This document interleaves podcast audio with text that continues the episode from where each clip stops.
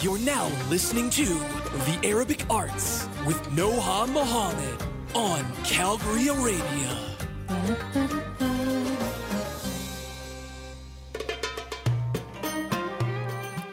لقاء النهارده مع جعفر صندوق من هاولينج سيركس هاولينج سيركس هي فرقة من بنات أفكار آه، العراقي الأصل المولود في لندن جعفر ومن وقت ما اتنقل جعفر لتورونتو من آه، إنجلترا وبدأت تتقدم فرقة هاولينج سيركس في طريقها في موسيقى الروك في وكمان في مارس 2019 أصدرت الفرقة أول ألبوم كامل باسم Run the Wrong Way. الأغنية بتحمل آه، إحساس الفوضى اللي سببتها العنصرية اللي, آه، اللي حسها جعفر صندوق بين إنجلترا اللي دفعته إن هو آه، يجي لكندا بعد كده.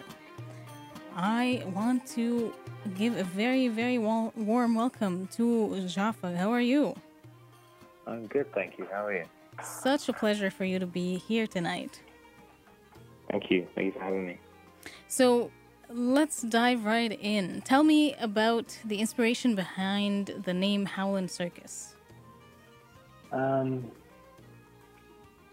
I guess it's a combination of um, some of my influences. That there was um, the Howling Wolf. Uh, I, I listened to a lot of blues growing up, and um, and uh, I I like the idea of something like with a um, something that felt kind of spooky but fun. That's why I kind of think of my music as being a bit um, having a little bit of an eerie quality, but um, still being something fun. And that's kind of what the the name kind of the imagery evokes. I mean, it's a super catchy name. I also read something uh, about circus being, or like the circus being for like sort of outsiders, and you're kind of playing on that. Yeah, yeah, um, yeah. I've I've had different band members over time, and uh, now like when I play live, I have um, usually different bandmates that come join me, and um, yeah, try to kind of look at it as yeah this uh,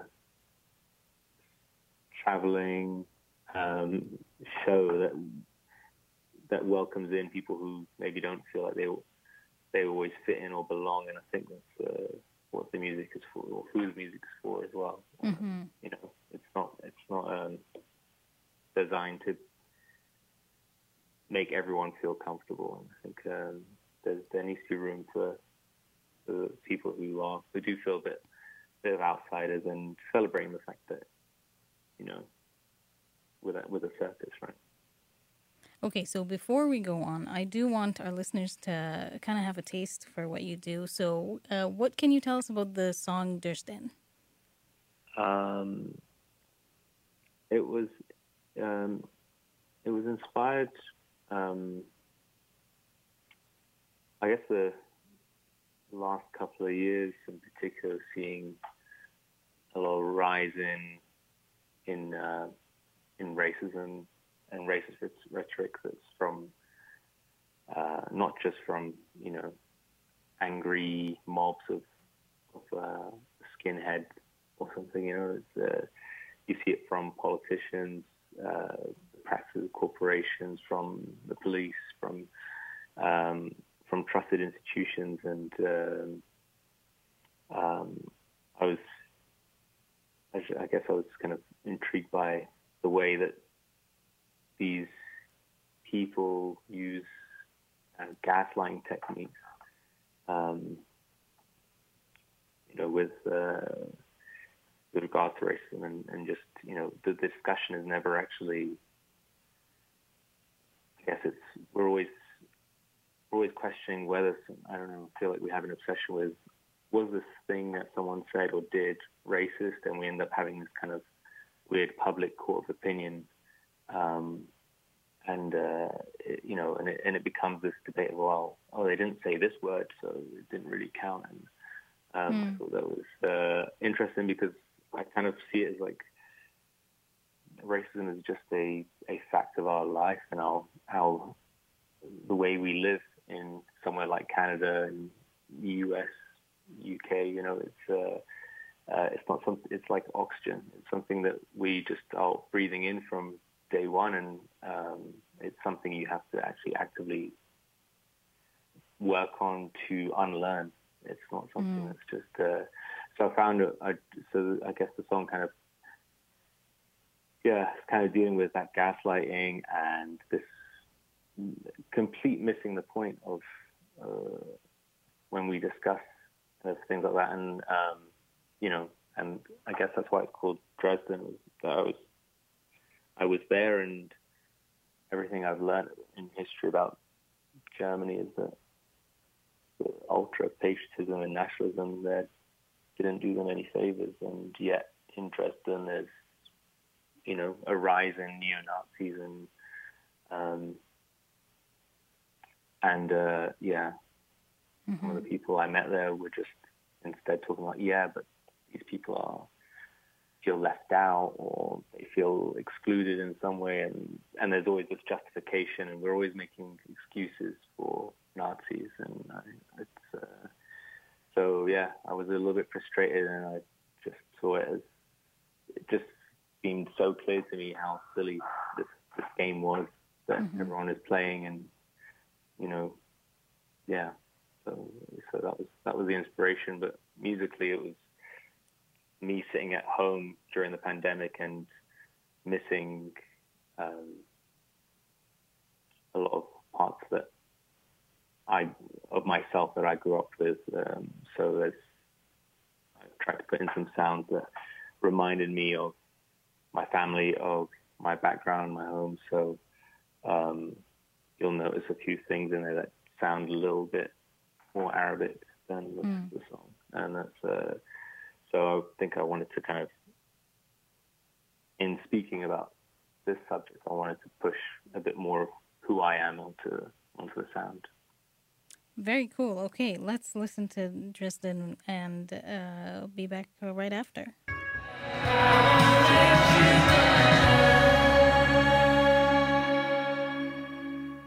Jafar, uh, when was the point in your uh, life, I guess, when you realized that music is your calling? Um, I, I don't know, really. Um, I guess maybe it was recently. I don't know. I think the maybe it was uh, something I've been I've been doing for a while, and um, I've always I don't know felt most uh, satisfied making music, and uh, I enjoy the process, even the the frustrating and difficult parts of it. And I think I think maybe during the pandemic, when mm, you know I couldn't play live, I couldn't. There wasn't really a lot I could do. That it was the thing that kept me uh, sane throughout it. That I could just um, at home and just songs and make make music, and um, that was a big part of what I did. Um, you know, I, I filmed two music videos during the lockdown, and um, yeah, set up my home studio and was just recording at home. So uh, yeah, maybe maybe as recent as that, it felt like it's my calling. It's just something I, I like doing, and I just feel like something I'll probably keep doing for you know, as long as I can. How was the move from the UK to Canada? Like, how has it affected your music? Do you feel a difference in the way people listen to your music? Um, yeah, I, I mean, the, the, the I guess the, the change here, I mean, I, London is, is, quite different in the UK to to Toronto. Um, you know, I feel like there's um, maybe a bit more of a of a indie rock, indie music scene in Toronto than there, there is in London. Um, so I felt there's there's been a bit more of an audience here, and uh, it's been easier to find musicians to play with and connect with. um, which has been great. Um, yeah, I found, but definitely moving moving country, even if it's somewhere where they speak the same language. I mean, uh, puts puts things in perspective. It is actually quite difficult, and so right. it's uh, made me definitely admire, um, you know, my mom a lot more for uh, leaving Baghdad and like going to going to London. You know, when when she was like 20 years old and didn't didn't really speak the language that well and stuff. So I'm like, okay, yeah, this is uh, like uh, you know, I, I, found it quite difficult. Um, I speak English, so it's fine, you know. Mm. Um, so yeah, put that into perspective. But um, you know, it's uh, it's uh, you know, it's I, I am still learning every day, adapting to a new environment. But um, yeah, I think I think there's there's a, there's a good healthy music scene I mean, there's a, there's a lot of venues getting turned into condos and stuff. But I guess it's happening everywhere in the world these days. So, mm-hmm. yeah. Were you ever scrutinized for being an Arab uh, making rock music? Uh, yeah, probably. Yeah. Hmm. Um, you know, how did it, you feel it? How did you experience it? I, I had it growing up in you know, in London, in my Iraqi community, that you get people, um, you know, never actually from my, my, my family. My family actually really supportive, um, you know, um, which is really nice. My sister helps with, she's, she's a graphic designer, so she's designed a lot of my album artwork and, cool. you know, and the logo and stuff. And, uh, yeah, um, um yeah, my parents have come to a few shows and stuff, which is which is nice. But you always get someone like a like a friend of a family or something, and mm. you know, you I'll get comments that'll be like, oh, you know, like, if my hair was a little bit too long or something, or uh, you know, insinuations about oh, you're going to be taking drugs, you're going to be doing this, and um, you know, and they had no interest in listening to music. They just wrote it off before before they even heard anything. And um, but to be honest, you get the same reaction among like white people in, right. In in Canada and UK. You get the same thing where you know for a long time I had to I had to put a, a white name sending emails um, to bookers. You know I wouldn't I wouldn't mm. use I wouldn't use Jack. I would say I'm the manager of Howling Circus. My name is David, and mm. I and I would and it would work. I would get shows and mm. you know they a lot of people don't want to they don't believe you know it's just if you don't see it you don't know that it's possible. And uh, i don't know like that's the thing you know, our culture our identities our language is all been politicized you know mm. heavily you know not just since 9-11 but a lot a lot of it since then. And whether or not you know that's someone's intention they can't help it. It's it's very much part of the air we've all been breathing for so long that sight of my name, you know, gives a sense of like, oh well, I don't know, he can do this. I, you know, mm. it creates all kinds of a million connotations that I'm not in control of, and uh, so yeah, uh, yeah, you get that, and rock and roll is a, you know, although it shouldn't be, and it's been co-opted by white people, but it's a very white music genre these days, and. Right. Um, so yeah, people would probably feel a lot more comfortable if my name was like John Sampson instead. Mm. So. Very interesting. How does your hybrid identity, being Iraqi, uh, British, and Canadian, how does that inform your music? Um, I mean, like, I think it does and doesn't. You know, I'm, I'm, mm. I'm my my Iraqi identity definitely helps make me feel a bit like an outsider. So that maybe comes out in the music in some ways. Um, um, but I think there's there's a I don't know a thoughtfulness a to to that culture in particular that that I can maybe speak to and try to I've grown up with, and that maybe comes out in some of the songwriting and ideas. Mm. Um, mm. There's a bit of introspection and, and inwardness. Um, and then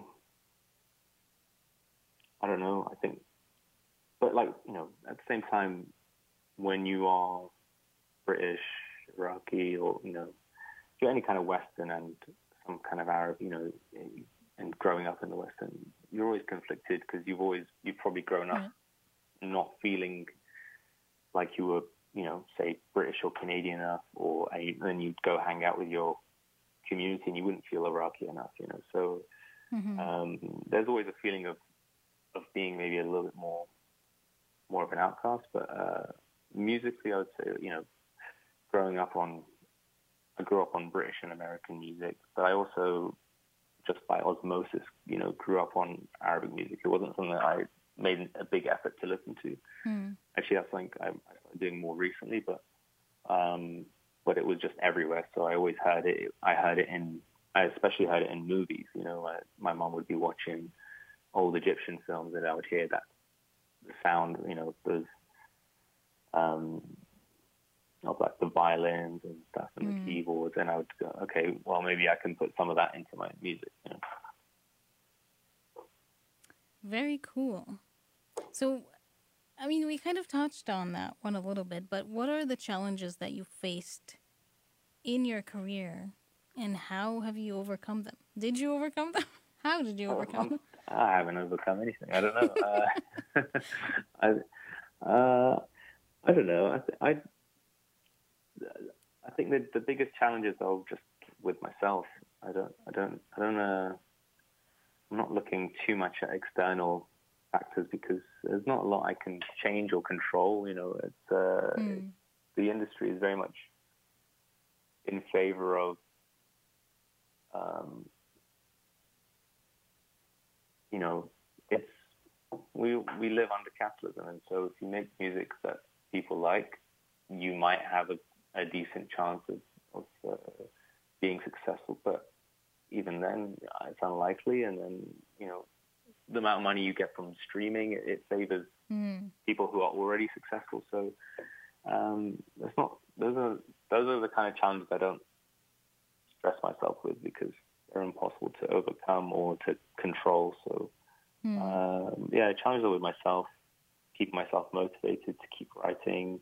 Um, keep creating and to to try to create something new that kind of maybe challenges myself, challenges my own ideas. Uh, mm. It's a great creating any kind of art is a great way to kind of keep growing and, and improving on yourself.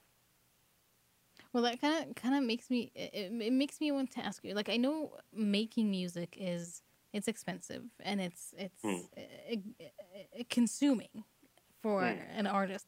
Like, in terms of all resources creative monetary like just even your own space because you especially in a rock band you need like space for your instruments especially drum sets and all this kind of stuff.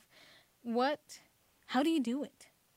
How do you make how do you do it? Like what can or let me ask you this what can the listeners that are tuning in right now do to support you?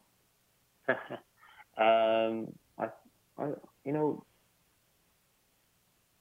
I always see it as like if there's something you love doing and you, you think it's worth doing, there's no point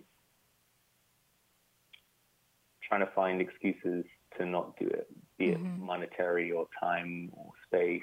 Um,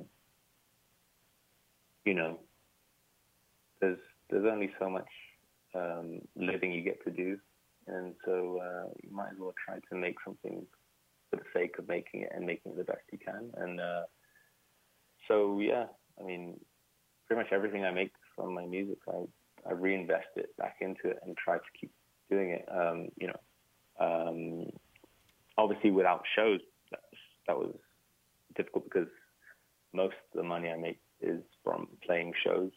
Um, you know, mm-hmm the good, good thing is things are opening up again, and you know I've got shows again, which is great. But um, you know I actually uh, I actually enlisted someone from uh, from near Calgary, um, from from Alberta, um, a a uh, a Moroccan Canadian artist, and, and she designed some new merch for me, which which was great. And uh, uh, you know, things like that you try to do to kind of uh, stay afloat, which is just you know, you you have merch, you can have shows. Um, the song, the music itself, I mean, it's uh, yeah, it's atrocious. What what Spotify and Apple and all these um, streaming services pay, they don't pay anywhere near enough. Um, Mm.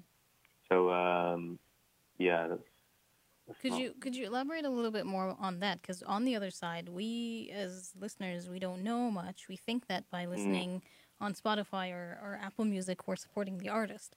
But uh, can you tell us a little bit more about the intricacies of that and how? Yeah.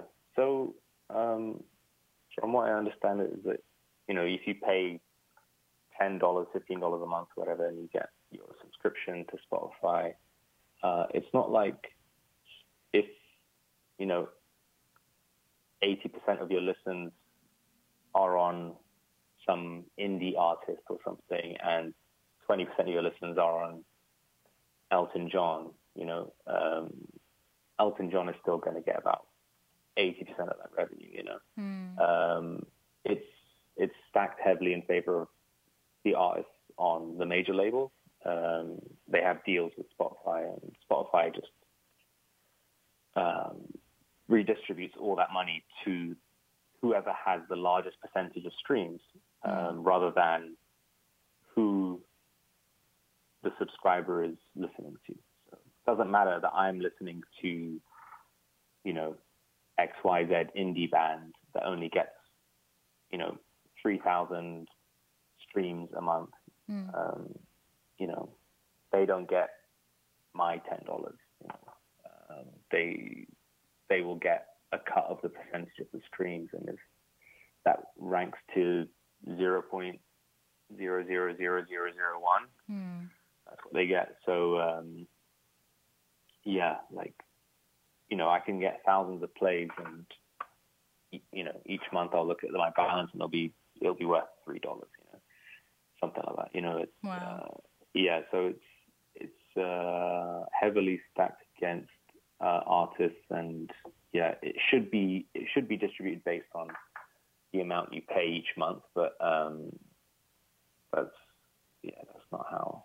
I mean, Mm. that, I mean, it doesn't surprise me. That's how a lot of everything works these days. But yeah, uh, Right. so so a lot of our indie artists, especially, make their money by selling merch, by um, by playing shows, and a lot of them now are on like doing Patreon or OnlyFans, trying Right. to find other ways to kind of do exclusive content just for people. But um, yeah, so yeah, definitely, definitely a little bit harder. It's never been easier to make music, but it's definitely harder to make money from it. Yeah, I'm kind of curious because I saw on your merch you have vinyl records, and I Mm. I like I like vinyl records, and I I feel like they're totally making a comeback. Do you uh, how how is it from the other side to produce vinyl records? Like, is that something that's like easily available? I feel like it's such a feat. Uh, yeah, it's uh, you know, I I I found I found a, uh, a production site that makes them in Toronto, and it seems like actually there's there's a few places that do it in Toronto.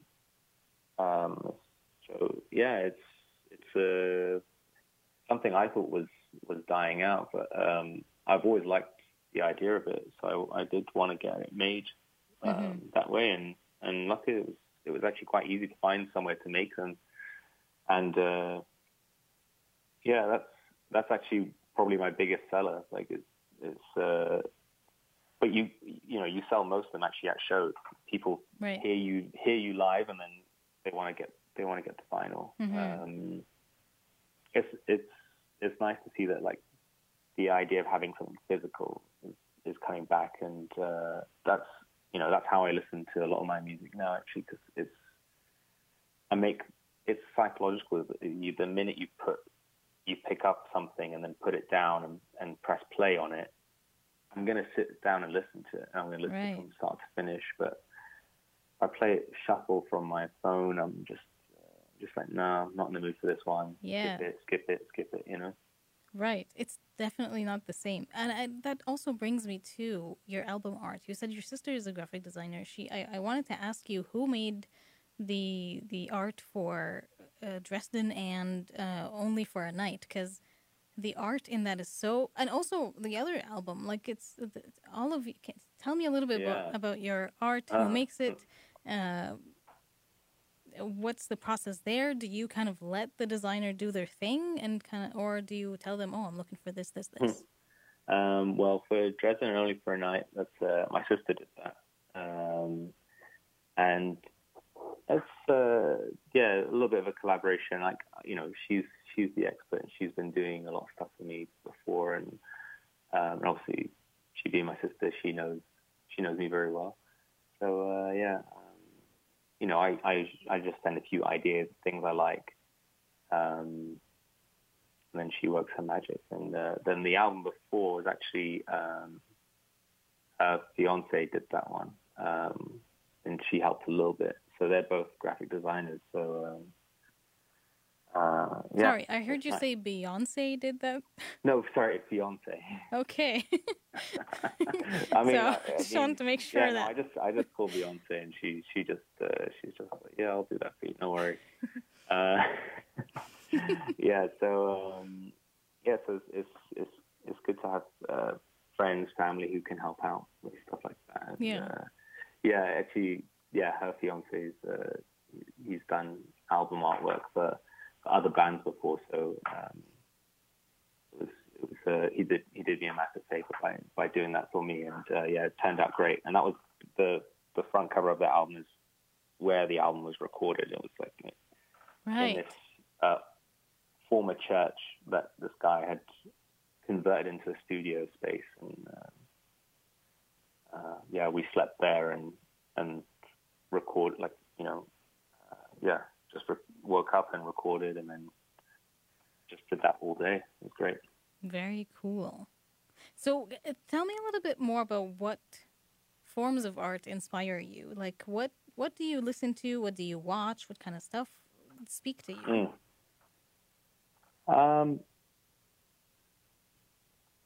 I I think um you know I've I've taken a lot of inspiration from from all sorts of things, and I, I'm not sure what exactly is the the recurring theme, but um, you know I think it's just depends on on my mood and where I'm at in my life in that moment, but um, I've always been inspired by um, art that tries to speak to the truth of what we're living through in this moment and isn't too concerned about the societal norms or what is expected right Mm. now and uh, is willing to kind of breach those those uh, those subjects and and um, maybe reveal some you know uncomfortable truths. Um, so uh, you know, you know, in terms of of music, I've always I've always enjoyed um, listening to bands that maybe have a bit of a, a darker sound, a bit of a moodier sound.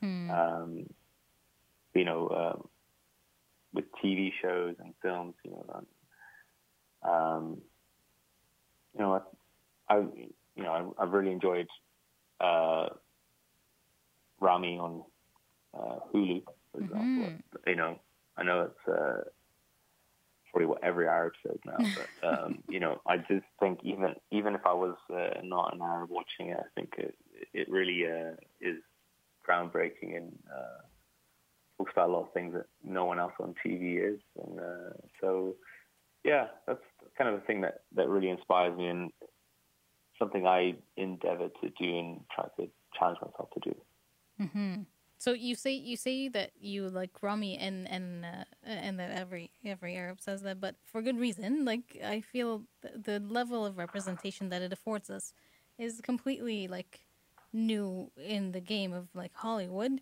Um, Mm. So, t- which uh, brings me to my question to you, as someone who is the representation in rock music, as, as as daunting as that may be, is is it also freeing to kind of be the one doing your own thing because there isn't anyone to kind of like follow like their footsteps or or is it just daunting?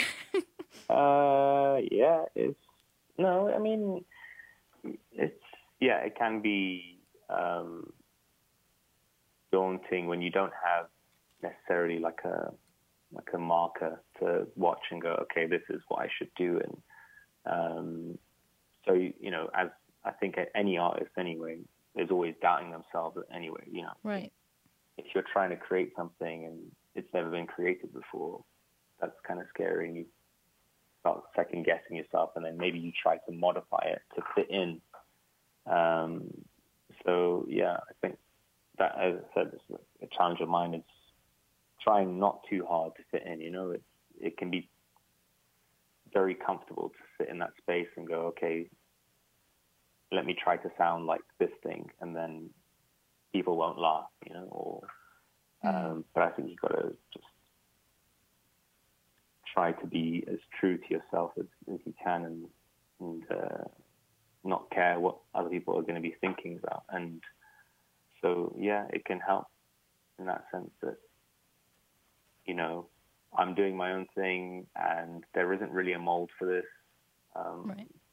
So why not just, just do it, enjoy it, and make whatever you like? And if people like it, I mean, that's fantastic. Uh, you can't go in that with that mentality of I hope people will like it. It's, you're only going to make stuff that you don't like, but everyone else might.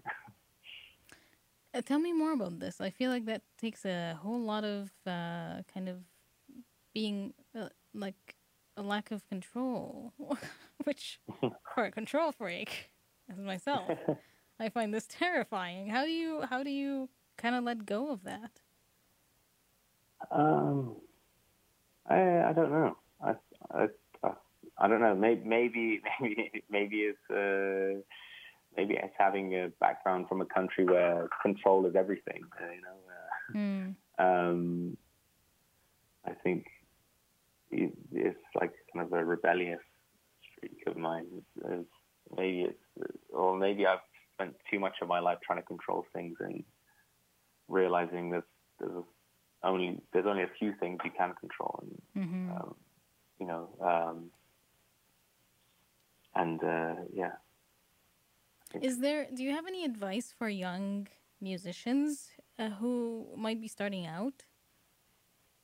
um, I would say, you know, make the music you want to make. Don't worry about. It's hard to, but it's, don't worry about trying to fit in with. Don't try and second guess how people are going to receive it. Hmm. It's hard, but it's, uh, you'll enjoy it a lot more if you take the audience out of it and just make it for yourself Mm. and um, and make it with people you like. Most important of all, Mm. just doesn't matter if they're fantastic or not. Make sure you like them first of all. Has has moving uh, disrupted that when you moved from the UK to Toronto to like find a new group of people, or like were some of your band mates in here, or like how how did that go? Yeah, um, yeah. I mean, I, I I found different people along the way. Some people who are, you know, really good at what they did. And I think I think that took me a while to realize it was just about finding people I actually really liked. Mhm. Um, so there, that took me time because when you, I think when you move somewhere new and you don't have friends, that you know, you can just kind of fall in with any group because you just need some people to hang out with. And Mhm. uh, yeah, it's definitely you know it's been the case for me, and you know, I think uh, I've definitely found some some great people. I'm, I'm I became friends with first before I had them in my band, and um, I think it's made a big, huge difference when we go into rehearsals. It's it's all smiles. We're all happy to be there and happy to be around each other, and um, yeah, it's uh, yeah, I think that's a, that's a key component that like still learning. You know, you know, before I used to think just like no, they need to be able to play this kind of style and this kind of style and do this and do that. And, Mm. um, yeah, you should just do it with your friends, people you like. Hmm Um, you play the electric guitar, you play acoustic guitar, you play the harmonica, you sing. What else do you do that we maybe don't know about? Is there any hidden hidden talents there? Um, I play some some piano, keyboard. That's that's on some of the songs as well. Um, I usually recorded that in there, and um, and and the bass as well. Uh, actually, um, Dresden and Only for a Night, I play actually everything there. So Okay.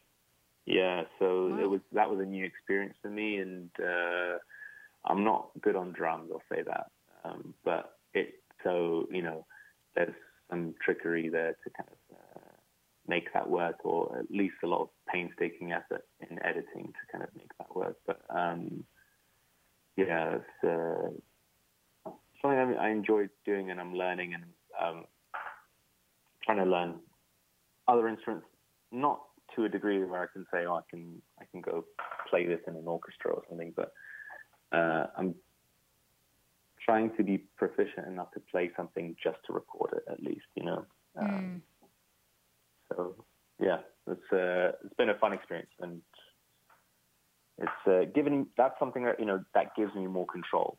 Sure, you know, that's some that's an element I can control. I can control how the whole record sounds because I can play everything on it and I can produce it all myself. But uh, how someone is going to react to it or respond to it, I can't control that. You know. hmm Um, as a rock artist, and you nail the look. You in our heads, we're like, okay, rock people have to be like cool and like in a leather jacket, whatever. Can you give the youngsters of today any kind of hints on how to look like a rocker? Uh, well, thanks. I don't know. Um, I think it's again not caring too much, but uh, you know, I, I would say find find some people that you think are stylish and maybe copy them a little bit. Uh, you know, uh, as a reference, for, as a frame of reference, and then find your own style. I think, and then. Uh, um, yeah, I think it's just whatever you feel comfortable, and you know, ultimately feel comfortable in it. You don't want to be walking around uncomfortable. Right. will show. You know. Um, what inspires your lyrics? Um, I I think uh, I'm most inspired by, I guess the what what those what the emotions might be, rather than you know you get some songwriters who tell a story from start to finish, or um, talk about a person or something you know specific. I think uh, what I'm most interested in is in, is in conveying the feeling at the moment um, that you might get from being somewhere, doing something. Um, I guess it's kind of like showing instead of telling, and uh, and that's kind of how the songs then feel relevant to me. You know, you might write about, say, you might write about like a breakup or something, but Mhm. you know, a year from now, two years from now, you might not care about that anymore, and that song still needs to feel relevant when you play it live. And um, so Yeah. the, so the core of what I write is, is is the emotions that I've felt because those emotions will be relevant no matter what Mm. in life, and uh, you know, kind of pain, joy, all those things they're constant, and uh, but the situations they're temporary. So um, I like to focus on that, you know, um, a bit more. So uh, yeah, with you know with Dresden, you know, I was inspired by something at the time, and but you know, with with what was going with the with the Black Lives Matter and George Floyd and things I'd seen Mm. on while I was on tour in Germany, and Um, and then, you know, but those are not those are not new topics, unfortunately. And Mm. yeah, and uh, and then only for a night I wrote um, the morning after the last show before lockdown, and uh, Oh. and uh, I didn't, you know, I didn't initially set out to write. I didn't know we were gonna shut down, and then it sort of evolved into that a bit more, and the feeling of that night of that kind of one night where you maybe don't realize that this is this is uh, not going to happen for a while, and kind of just about cherishing the moments that we have, because yeah, a lot of things are temporary. Hmm. So I can, I mean, I might be biased, but I think I can see your music winning like Juno Awards and all that kind of cool jazz. Mm, Thank you. Where do you, what do you want to get to? Like, what are your goals in music? Uh, you know, I don't. I my goal. I mean, right now, my goal is to finish a song I've been writing for a while. Okay. you know, I kind of keep them very short term. Uh, I guess long term, uh, you know, I'd like to finish another record. I know that you know the first time was was really difficult. Um, If I can do it twice, that would be amazing. Um, you know, as for like any external validation, accolades, um, you know, oh, it'd be nice, but uh, it's not. Um, it's not at the forefront of my mind. Um, you know, like I said, I can't. I can't think that way because it will change my music. It will change what I do. You can't help it. If you start thinking about who is going to like it, if you're going to get an award for it, whatever, it's it's it's always going to change your mind about how you approach it. And uh, yeah, my goal is just to write another one. I just that's it. It's it's just uh, that's that's all I want to do. Write another record. Mm-hmm. Okay, tell us about uh before I let you go. Tell us about your uh show. I I believe you have a show on November twentieth in Oshawa. Yeah, uh, on twentieth and twenty fifth. Um, yeah, November twentieth in Oshawa at the Atria Okay. um, in Ontario, and um, and then on the twenty fifth in Barrie. Uh, you know, I actually did my first show post pandemic in Toronto, and um, and now yeah, these are these are the first ones I'm doing with the new rules where it's essentially no no capacity limits. Um, Mm. So that'll be interesting because you know the, the first shows I played after the pandemic, it was they had the like perspex glass screens and table seating. So um, yeah, it was it was an odd feeling, but um, so yeah, we're really excited to get playing again, and hopefully, I mean, we actually had a a tour in in the prairies booked right Oh, before the pandemic, and then obviously cancelled. Uh, so I'm hoping maybe next year we can come, we can go out that way and play play in Calgary. oh, that would be Someday. awesome. Yeah, I'd love that. Um, I, would- I would love to see more of Canada. I've never been, I've never been there before.